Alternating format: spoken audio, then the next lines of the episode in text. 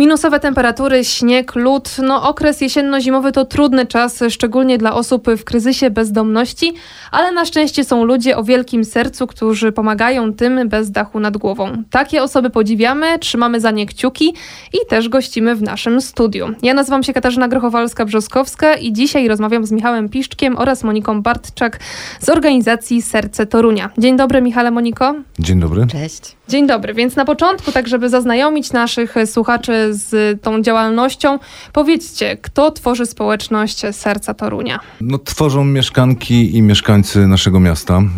E, naszą siłą jest to, że jesteśmy oddolną organizacją stworzoną właśnie przez ludzi zwykłych. Nie jesteśmy kolejną instytucją, która pożera swój własny ogon i generuje koszty, tylko jesteśmy e, grupą fajnych ludzi e, z poczuciem humoru, która stwierdziła, że spotkamy się i zrobimy coś fajnego fajnego i przy okazji pomożemy osobom w kryzysie bezdomności. A jak duża jest ta wasza społeczność? Tych, którzy pomagają? A mi się wydaje, że to trudno policzyć chyba, bo tak naprawdę ten nasz nieformalny charakter powoduje to, że tak naprawdę jest duża rotacja. Yy, duża rotacja yy, wśród osób, które pomagają. Tak naprawdę z każdej wydawki, którą organizujemy na wydawkę, widzimy, że tych ludzi jest coraz więcej i ich przybywa. Także ciężko jest nam określić tak liczebnie dokładnie. Nie jesteśmy zamkniętą organizacją, tylko mamy charakter otwarty, jest nas tak naprawdę coraz więcej, co nas bardzo cieszy. Cały no. czas zapraszamy te osoby nowe, bo e, ta praca, którą wykonujemy, naprawdę przynosi masę satysfakcji. Zapraszamy szczególnie młodzież. E, no teraz jest okres taki, że e, ósme klasy muszą zdobywać punkty przy wolontariacie, więc, więc serdecznie zapraszamy szkoły, żeby z nami się kontaktowały. Na pewno pomożemy w tym, żeby dzieciaki nauczyły się empatii, żeby zobaczyły, jak wygląda życie na ulicy i w ten sposób mogły też czegoś się nauczyć. Mm, a kiedy rozpoczęła się działalność Serce Torunia? Serce Torunia powstało tak naprawdę w zeszłym roku na przełomie października, listopada. E, pewnego dnia stwierdziliśmy, że pojedziemy do Warszawy zobaczyć jak działa Fundacja Serce Miasta. E, pojechaliśmy, zobaczyliśmy, bardzo mocno nas to zainspirowało. No i stwierdziliśmy, że są na tyle duże pokłady w naszym mieście, że warto spróbować coś takiego zrobić. Powstał nasz logotyp z toruńskim piernikiem, z czerwonym sercem. E, powstała nazwa Serce Torunia.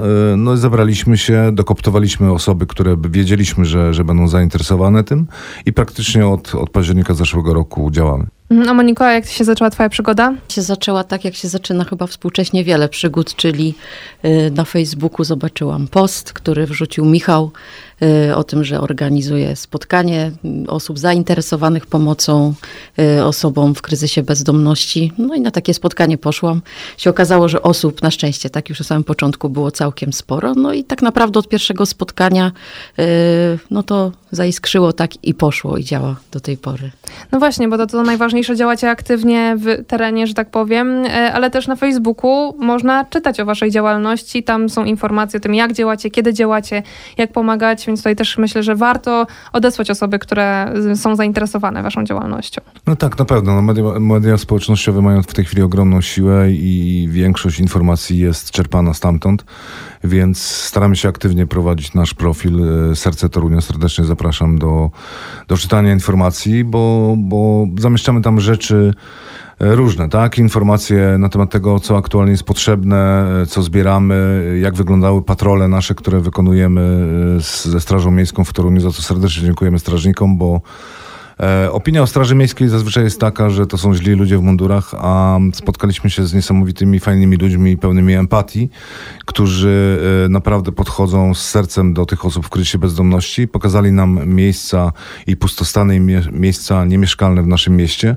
No i w tej chwili staramy się tymi osobami opiekować. Robimy zbiórki różnego typu, bo to są potrzeby typu e, ciepły koc, śpiwór, buty, rękawiczki, latarki, radia, tego typu rzeczy. Staramy się to zbierać. Odzew jest jest naprawdę ogromny, za co serdecznie dziękujemy mieszkankom i mieszkańcom naszego miasta, bo świadczy to o tym, że dużo osób chce po prostu pomagać, tylko czasami trzeba wskazać. A tak jak wspominałem, ta nasza oddolność ma dużą siłę, dlatego że nie jesteśmy kolejną organizacją i jakby nie, nie generujemy kosztów. E, my wszyscy jesteśmy wolontariuszami, wszyscy pracujemy z pasji i no nie jesteśmy na etatach, więc każdy, kto cokolwiek nam przekaże, ma jasną informację, do kogo to trafiło. My wysyłamy zdjęcia, na przykład, że jeżeli ktoś przekaże, nie wiem, ileś par skarpet, to informujemy, że te skarpety trafiły do takiej takiej, czy takiej osoby. Jest to wszystko przejrzyste, jasne i myślę, że to, to spowodowało, że wzbudzamy zaufanie wśród osób, które nam przekazują te rzeczy. Ale co jest najważniejsze, to to, że my nie jesteśmy instytucją i nie jesteśmy też organem, czyli y, Strażą Miejską i, i Policją chociażby, bo osoby w kryzysie bezdomności są osobami bardzo mocno wycofanymi, takimi, które nie mają zaufania. One zostały tak skrzywdzone w różny sposób przez system, że łatwiej jest pogadać z tymi ludźmi po prostu jak człowiek z człowiekiem, dotrzeć do nich, e, porozmawiać. No, fajne anegdoty e, są z miejsc, które odwiedzamy, pustostany, spotykamy ludzi, z którymi mieliśmy kiedyś tam za młodo na przykład mm, coś do czynienia, a w tej chwili my robimy wszystko, żeby im było ciepło i dla nich to jest niesamowite zaskoczenie, bo byli kiedyś złymi ludźmi, a, a w tej chwili dostają od nas dobro. E, no ale to są ciekawe sytuacje. E, tak naprawdę dzięki Straży Miejskiej i temu, że wyszliśmy na ulicę, poznaliśmy prawdziwe, prawdziwe oblicze tej bezdomności w naszym mieście, bo w schronisku i w noclegowni osoby, które przebywają są w jakimś tam lepszym lub gorszym stopniu zaopiekowane. Mają ciepły posiłek, mają ciepłe schronienie, mają dostęp do wody, do tego, żeby się wykąpać. A, a istnieją w Toruniu miejsca takie, które są po prostu niewyobrażalne i zwykła osoba, gdyby dotarła do takich miejsc, podejrzewam, że bardzo długo by się o bardzo długo by dochodziła do siebie, gdyby zobaczyła, w jakich warunkach potrafią żyć ludzie i żyją, funkcjonują, starają się stworzyć sobie jakiś tam dom. A my jesteśmy od tego, żeby, żeby oni nie zamarzli, żeby dostali ciepły posiłek, żeby dostali ciepłe skarpety. Słuchamy tego, czego oni potrzebują i staramy im się to dostarczyć. Osoby w kryzysie bezdomności bardzo często są postrzegane jako osoby nadużywające alkoholu. Zgadzamy się z tym. Jest tak, że, że ci ludzie nie, nie mówimy, że tak nie jest, że to są e, aniołkowie, którzy e, siedzą tylko i czekają na to, żeby ktoś im pomógł. To są bardzo często osoby, które spożywają alkohol, z tym, że alkoholizm jest chorobą. I my zawsze powtarzamy, że wysoko funkcjonujący alkoholicy w naszym społeczeństwie są, e, są akceptowani, tak, bo są dyrektorami firm, są właścicielami, są ludźmi, którzy funkcjonują wokół nas, mają piękne garnitury, fajne samochody, ale różnią się od tych osób w kryzysie bezdomności tylko zapachem, bo alkohol piją ten sam, to jest taka sama choroba, z tym, że społeczeństwo no, ich akceptuje, bo ładnie wyglądają. I musimy wziąć pod uwagę to, że wszyscy jesteśmy takimi samymi ludźmi i każdemu z nas należy się pomoc bez względu na to, kim jest, gdzie mieszka, co robi. E, my wychodzimy z założenia, że pomagamy każdemu, bez względu na to, mm, jaka jest jego sytuacja, czy, czy jest osobą trzeźwą, czy nie. E, bardzo często jest tak, że alkohol niestety pomaga przetrwać na ulicy. Osoby w kryzysie wyzbywają się wstydu, mogą ukraść, mogą załatwić się gdzie chcą. E, nie przeszkadza im to, że śmierdzą, po prostu powoduje to, że, że są obojętni. E, no i są postrzegani przez resztę społeczeństwa tak, jak są postrzegani, tak? Czyli bardzo często spotykam się z tym, że no, ktoś tam stał w sklepie za osobą w kryzysie bezdomności, ta osoba strasznie śmierdziała, a przecież ona mogła się wykąpać. No właśnie o to chodzi, proszę Państwa, że ona nie mogła się wykąpać, bo nie ma w Toruniu łaźni. Jest jeden punkt e, Caritasu, w którym te osoby mogą skorzystać, się wykąpać. Nie zawsze mogą tam dotrzeć, ponieważ są na przykład wyrzucani z autobusów, bo śmierdzą.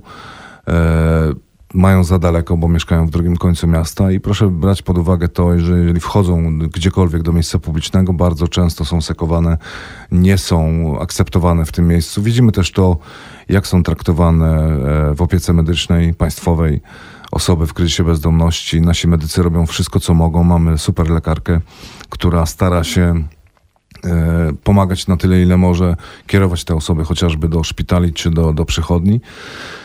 No ale tam już jest często mur, bo mm, w szpitalach e, te osoby są traktowane bardzo źle.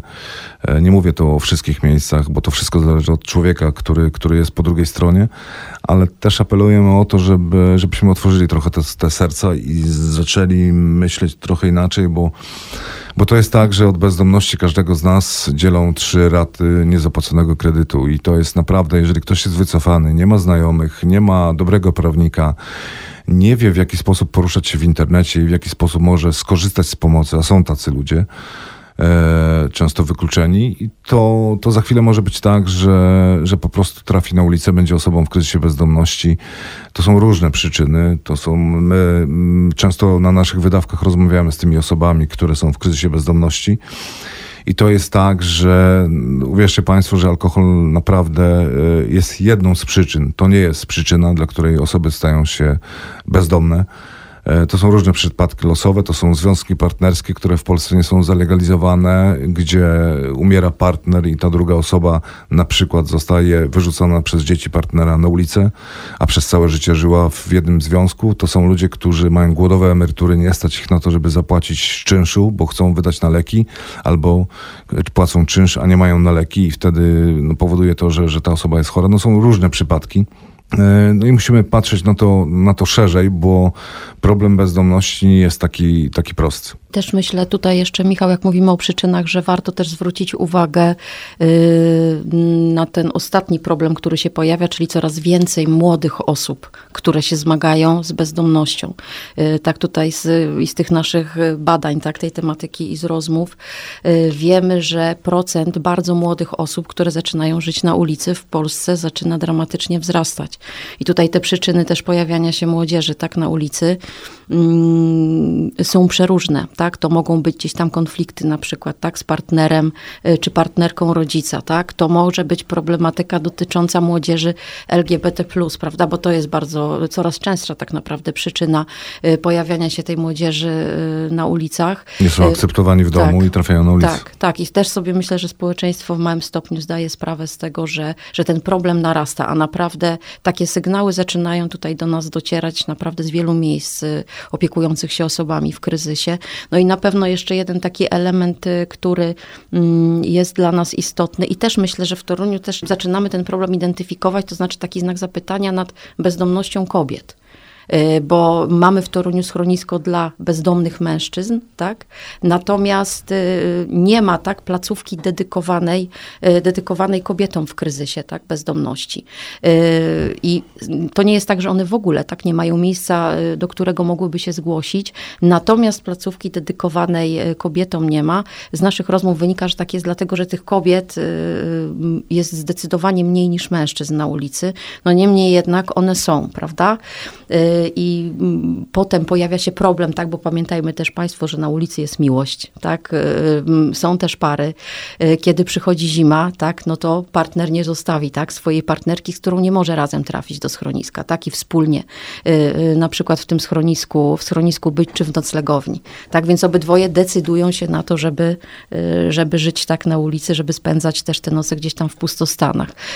Dlatego mówię, te przyczyny, tak, bezdomności, ta droga do bezdomności jest bardzo, bardzo różna i myślę, że no, nie do końca sobie z tego społeczeństwo zdaje sprawę. Chciałabym Was jeszcze zapytać e, o to, jaka jest reakcja osób w kryzysie bezdomności na Waszą pomoc. Czy, czy one chętnie przyjmują tą pomoc, czy są ufne? Bo jak wiemy, to są osoby bardzo doświadczone przez życie i to też może mieć oczywiście wpływ na stosunek do pomocy do innych ludzi.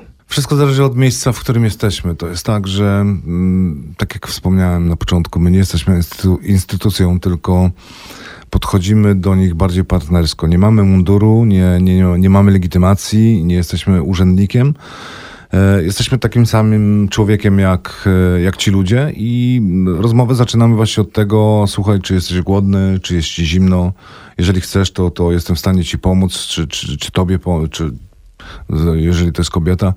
E, staramy się pomagać wszystkim. Zaczynamy tak naprawdę od rozmowy i polecam, jeżeli każdy z nas mieszkanek czy mieszkańców miasta nie musi dzwonić do nas y, lub do Straży Miejskiej, żeby, żeby informować.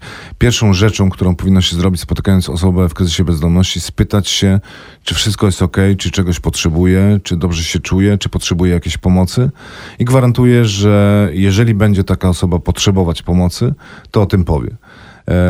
My mamy tak, że te wydawki w schronisku, które robimy, spowodowały to, że jesteśmy tam cyklicznie, bo to też jest ważne. Jeżeli powiemy, że będziemy, to jesteśmy. To jest też ważne w naszej grupie interwencyjnej, że no, mieliśmy sytuacje takie, że byliśmy na przykład na patrolu w sobotę i powiedzieliśmy, że słuchajcie, za dwa dni przywieziemy wam coś tam. To rzeczywiście byliśmy. I dla tych osób jest to ważne, że daliśmy słowo, nie zawiedliśmy ich i nie jesteśmy po raz kolejny postrzegani jako system, który tak naprawdę mówi, że coś zrobi, a tego nie robi. To są drobne rzeczy, bo to jest na przykład para butów. Wiemy, że ktoś potrzebuje na przykład, nie wiem, rozmiar butów zimowych numer 42. Wiemy, że mamy takie buty w magazynie, to te buty mu dostarczymy. Albo postaramy się, po prostu mówimy, że słuchajcie, robimy zbiórkę e, od mieszkanek, mieszkańców naszego miasta. Jeżeli ktoś ma takie buty i nam przyniesie, to my je wam dostarczymy. I to robimy. To jest najważniejsze, czyli ta systematyczność, żeby to zaufanie e, zbudować. E, za każdym razem, jak jedziemy na patrol, nasza grupa interwencyjna ma ze sobą termosy z ciepłą kawą, e, z ciepłą herbatą, zawsze ma coś słodkiego, mamy ze sobą kanapki. E, niestety niektórzy z nas są nikotinistami, więc też zaczynamy rozmowę bardzo często od zapalenia wspólnego papierosa mm. i pogadania o tym, co u ciebie słychać i tak dalej. My... W bardzo krótkim okresie czasu y, mamy tam wśród tych ludzi przyjaciół. To jest tak, że znamy ich imiona, znamy ich historię. Nie wiemy, czy są prawdziwe, czy nie, bo każdy z nas lubi wyolbrzymiać pewne rzeczy i, i te historie są tworzone po to, żeby mm, pokazać na zewnątrz, że jesteśmy fajni, inni i, i, niesamowici. Ale to jest tak, że naprawdę mamy przyjaciół. Serdecznie pozdrawiamy chłopaków ze schroniska, z noclegowni, bo każdy z nich jest wyjątkową osobą, jest, każdy ma z nich swoją historię i każdy z nich zasługuje na to, żeby mu pomóc. E, i każdy z nich tak naprawdę będzie, będzie lub jest naszym kumplem. Jeżeli chodzi o Wasze działania, tutaj też warto wspomnieć o takim innowacyjnym projekcie, właściwie na całą Polskę innowacyjnym, czyli o IGLO. Zdradźcie, o co tutaj chodzi, jak to działa.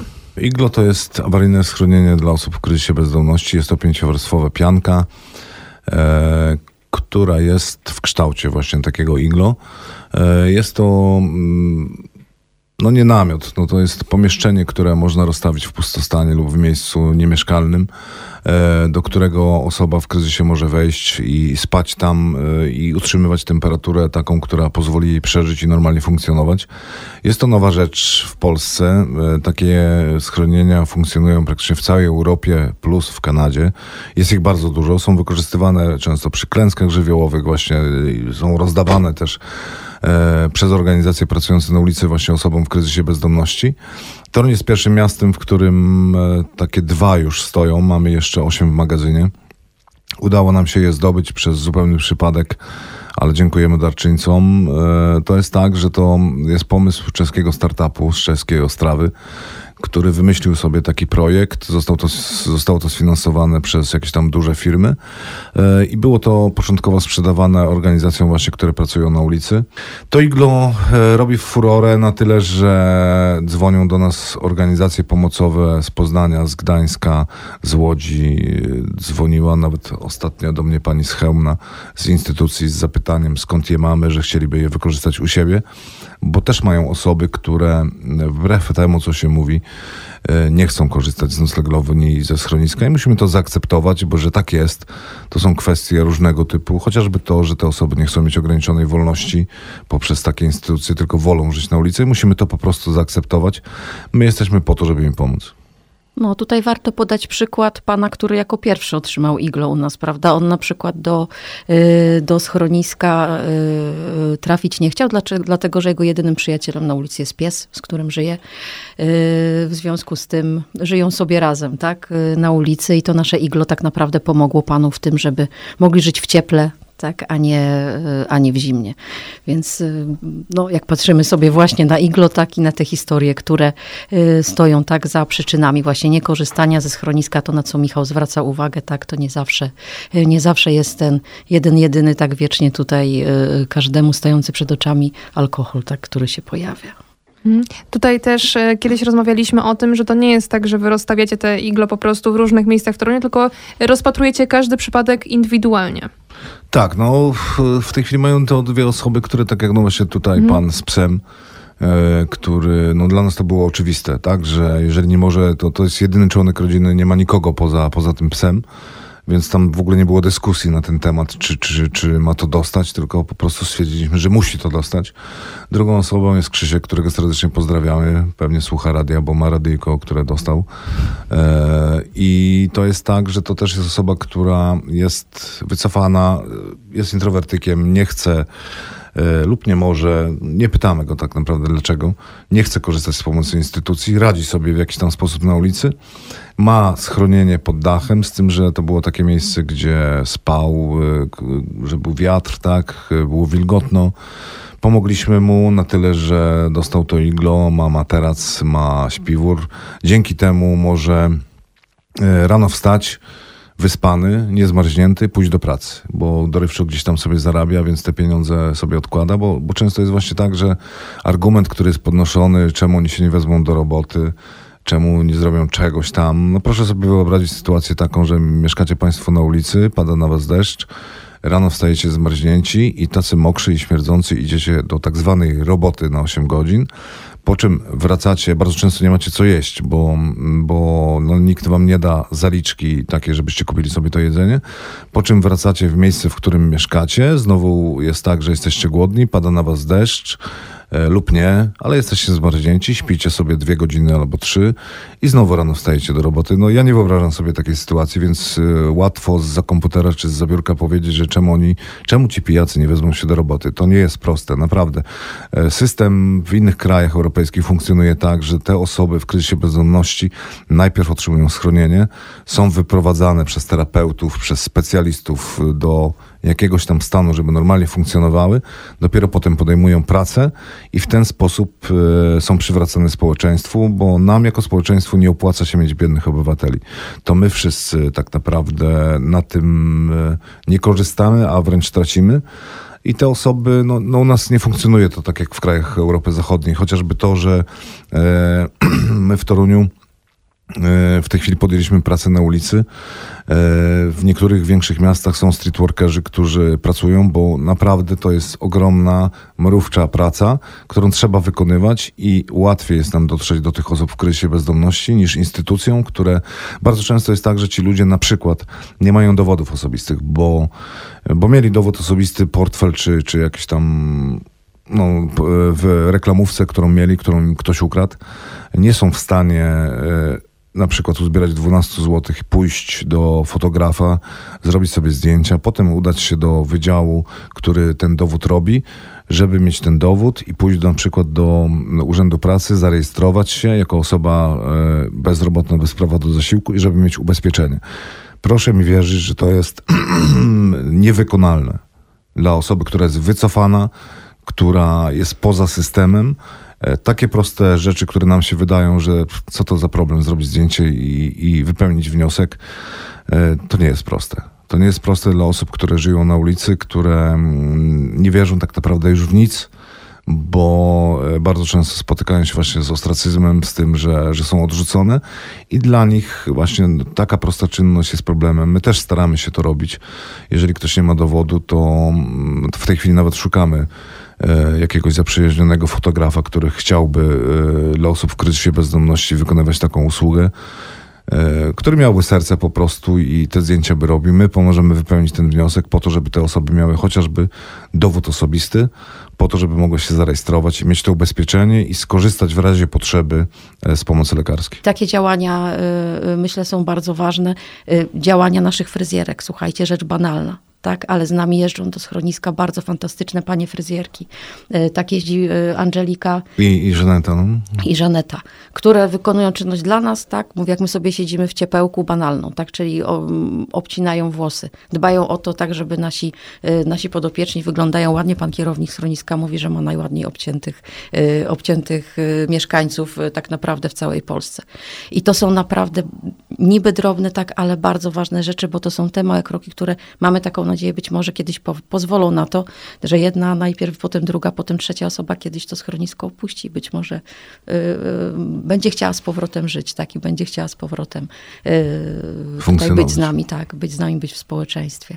Myślę, że właśnie to jest wspaniałe, że nie dbacie tylko o to, żeby były ciepłe posiłki, czy żeby pomóc, nie wiem, żeby była ta pomoc medyczna, ale też właśnie dbacie o taki, jak tutaj, jak powiedziałaś, rozwój duchowy, bo wydaje mi się tak z mojej perspektywy, że czasami taki nie wiem, uśmiech drugiego człowieka, czy takie doświadczenie, jak na przykład to, że aktorzy z Chorzycy zagrali dla nich, to czasami to pewnie znaczy więcej niż, nie wiem, kubek ciepłej herbaty. Więc e, to myślę, że dla nich też bardzo dużo znaczy.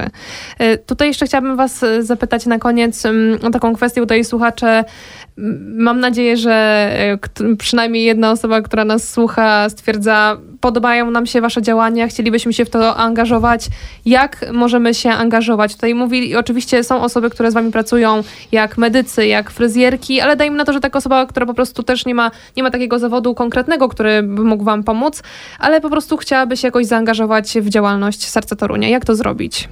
No to myślę, że najprościej jest przyjść na jedną z naszych wydawek, bo może przyjść każdy, zobaczyć jak pracujemy, jak to wygląda, jak rozdajemy jedzenie. Mm, tam nas pozna, pozna osoby, które korzystają z, z tego, co, co, co rozdajemy i na pewno znajdzie się dla każdego zadanie, bo, bo to jest tak, że tej pracy jest naprawdę dużo, bo każda wydawka kosztuje nas masę pracy i masę czasu. E, Im jest nas więcej, tym jest fajniej. E, no i tak naprawdę potem rodzą się różnego rodzaju pomysły, bo e, jak zakładaliśmy Serce Torunia, marzyliśmy właśnie o grupie medycznej. Nagle się okazało, że mamy ratowniczkę medyczną, ratownika, mamy lekarkę. I to są osoby, które pracują z nami wolontaryjnie.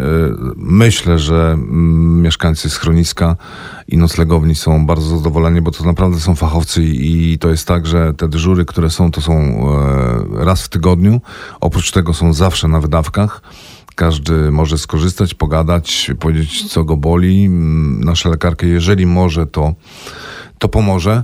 E, także zapraszamy każdego, kto, kto jest zainteresowany pomocą taką bezpośrednią. Fajne jest to, że coraz więcej ludzi się pojawia, różnych, z różnych środowisk. E, no ale Tak mi się przynajmniej wydaje, że serce Torunia gromadzi takie osoby, które rzeczywiście mają w sobie ogromne pokłady empatii i, no i robią to z ogromną przyjemnością, nie? bo ta praca nasza przynosi niesamowitą satysfakcję. To jest, wystarczy przyjść raz i, i się wsiąknie. Taka jest prawda, że ktoś, kto przyjdzie chociaż raz na wydawkę, zobaczy jak to funkcjonuje, jak ci ludzie cieszą się z zupy, którą przygotowują nam toruńskie restauracje czy hotele e, i ta porcja tej zupy, e, każda, każda porcja ma w sobie kiełbasę. No, robiliśmy fajną imprezę w sierpniu w tym roku, gdzie szefowie dwóch hoteli z Torunia robili grilla profesjonalne grille były, no, oni też niesamowicie ci kucharze, szefowie dziękujemy. restauracji. Tak, szefowie restauracji, szefowie kuchni robili dla tych ludzi grilla, były stoły, była muzyka, e, leciały przyboje z lat 70. Zrobiliśmy po prostu piknik, żeby poczuli się normalnie, bo to jest chyba najważniejsze, nie? Żeby, żeby osoby w kryzysie bezdomności wiedziały, że są normalne, żeby próbowały wrócić do nas, do społeczeństwa, żeby nie czuły się cały czas wykluczone, tylko czuły się akceptowane i dzięki temu może jedna czy dwie osoby będzie próbowała wyrwać się z tej matni, będzie próbowała się wyrwać z nałogu alkoholowego e, i w jakiś tam sposób zawalczy o siebie. I tutaj jeszcze e, e, na koniec, jeżeli już mówimy tak o działaniach, to powiem o rzeczy bardzo ważnej dla nas, tak, która bardzo by nam ułatwiła życie, jest dla nas bardzo istotna, o którą się staramy od lipca, Michał, prawda? Tak. Bo chcielibyśmy, żeby te nasze działania no, miały taką postać, powiedzmy, bardziej zorganizowaną, żeby chociaż trochę tak ten chaos, który jest też dla nas trudny, my tego nie ukrywamy. Y, y, działania y, móc troszeczkę złagodzić, to jest lokal, o który staramy się, staramy czekamy się. z niecierpliwością na, na tak. odpowiedź miasta. Chcielibyśmy kiedyś doczekać takiego momentu, że jak przyjdziemy tutaj do was, tak do radia, to będziemy mogli powiedzieć, jak ktoś chce się z nami skontaktować, to zapraszamy was. Jesteśmy pod adresem takim i takim. Tam działamy, tak, tam mamy swoje magazyny, tam, tam jest miejsce, gdzie osoby w kryzysie bezdomności mogą przyjść, właśnie się ogrzać, gdzie będą mogły się umyć, tam gdzie będziemy mogli działać tak naprawdę i to nasze sercowe działanie y, rozwijać, ten krwiobieg tutaj poszerzać. Mm, to tego lokalu Wam oczywiście życzymy, ale też zapytam, e, bo oczywiście są też słuchacze, którzy nie są z Torunia, więc zapytam w ten sposób też jeszcze. Idziemy ulicą, widzimy jakąś zmarzniętą osobę w kryzysie bezdomności. Jakie powinny być nasze takie pierwsze kroki? Czy zaoferować jej jedzenie, pieniądze, zapytać, o co powinniśmy właściwie zapytać? Po prostu zapytać, to jest pierwsza podstawowa rzecz, zacząć rozmowę, bo e, tak jak mówię, jeżeli osoba w kryzysie będzie czegoś potrzebowała, to nam o tym powie. E, oczywiście no, można sprawdzić w jakimś jest stanie, e, wziąć pod uwagę to, jaka jest temperatura na zewnątrz, e, no i reagować. Na pewno nie zostawiać jej samej na ulicy. No, czym bardzo często dostajemy informacje na nasz sercowy telefon, że ktoś gdzieś przebywa, pada deszcz, tak, osoba jest na wózku, czy moglibyśmy coś z tym zrobić, więc staramy się reagować, y, informujemy odpowiednie służby, jeżeli jest taka potrzeba, bo no, jesteśmy częścią gdzieś tam e, tego miasta, więc e, staramy się współpracować ze wszystkimi, którzy chcą e, pracować z osobami w kryzysie bezdomności, więc informujemy Straż Miejską na przykład o tym, że jest taka osoba. Najważniejsze reagować. Reagować, podejść, zacząć rozmowę, spytać się, czy nie napiłby się ciepłej herbaty i chwilę pogadać, bo czasami ta rozmowa wystarczy, więc tak mi się wydaje, że najważniejsze to podjąć po prostu rozmowę i zacząć reagować w ogóle. No i właśnie tutaj podchodzić z empatią też chyba myślę, że to jest tak na dobre podsumowanie tego, co robicie i, i tego, jakie powinno być nasze podejście do osób w kryzysie bezdomności. No na pewno trzeba po prostu, trzeba widzieć tam ludzi, tak? Pamiętajcie. To są ludzie, to są, to są nasi przyjaciele, to są też mieszkańcy Torunia, tak naprawdę tyle tylko, że w trochę innym punkcie swojej historii, tak? Życia. Oczywiście i o tym pamiętajmy. Dziękuję Wam bardzo. Michał Piszczak i Monika Bartczak z Serca Torunia w naszym studiu. Dziękuję Wam bardzo za rozmowę. Dziękuję Dziękujemy. Bardzo. Dziękujemy. Projekt finansowany jest ze środków samorządu województwa kujawsko-pomorskiego.